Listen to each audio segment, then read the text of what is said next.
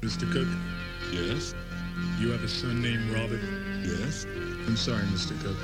Your son is dead. Dead? How? He died of an overdose. Mr. Cook, Yes? I'm sorry, Mr. Cook. Your son is Reactivate.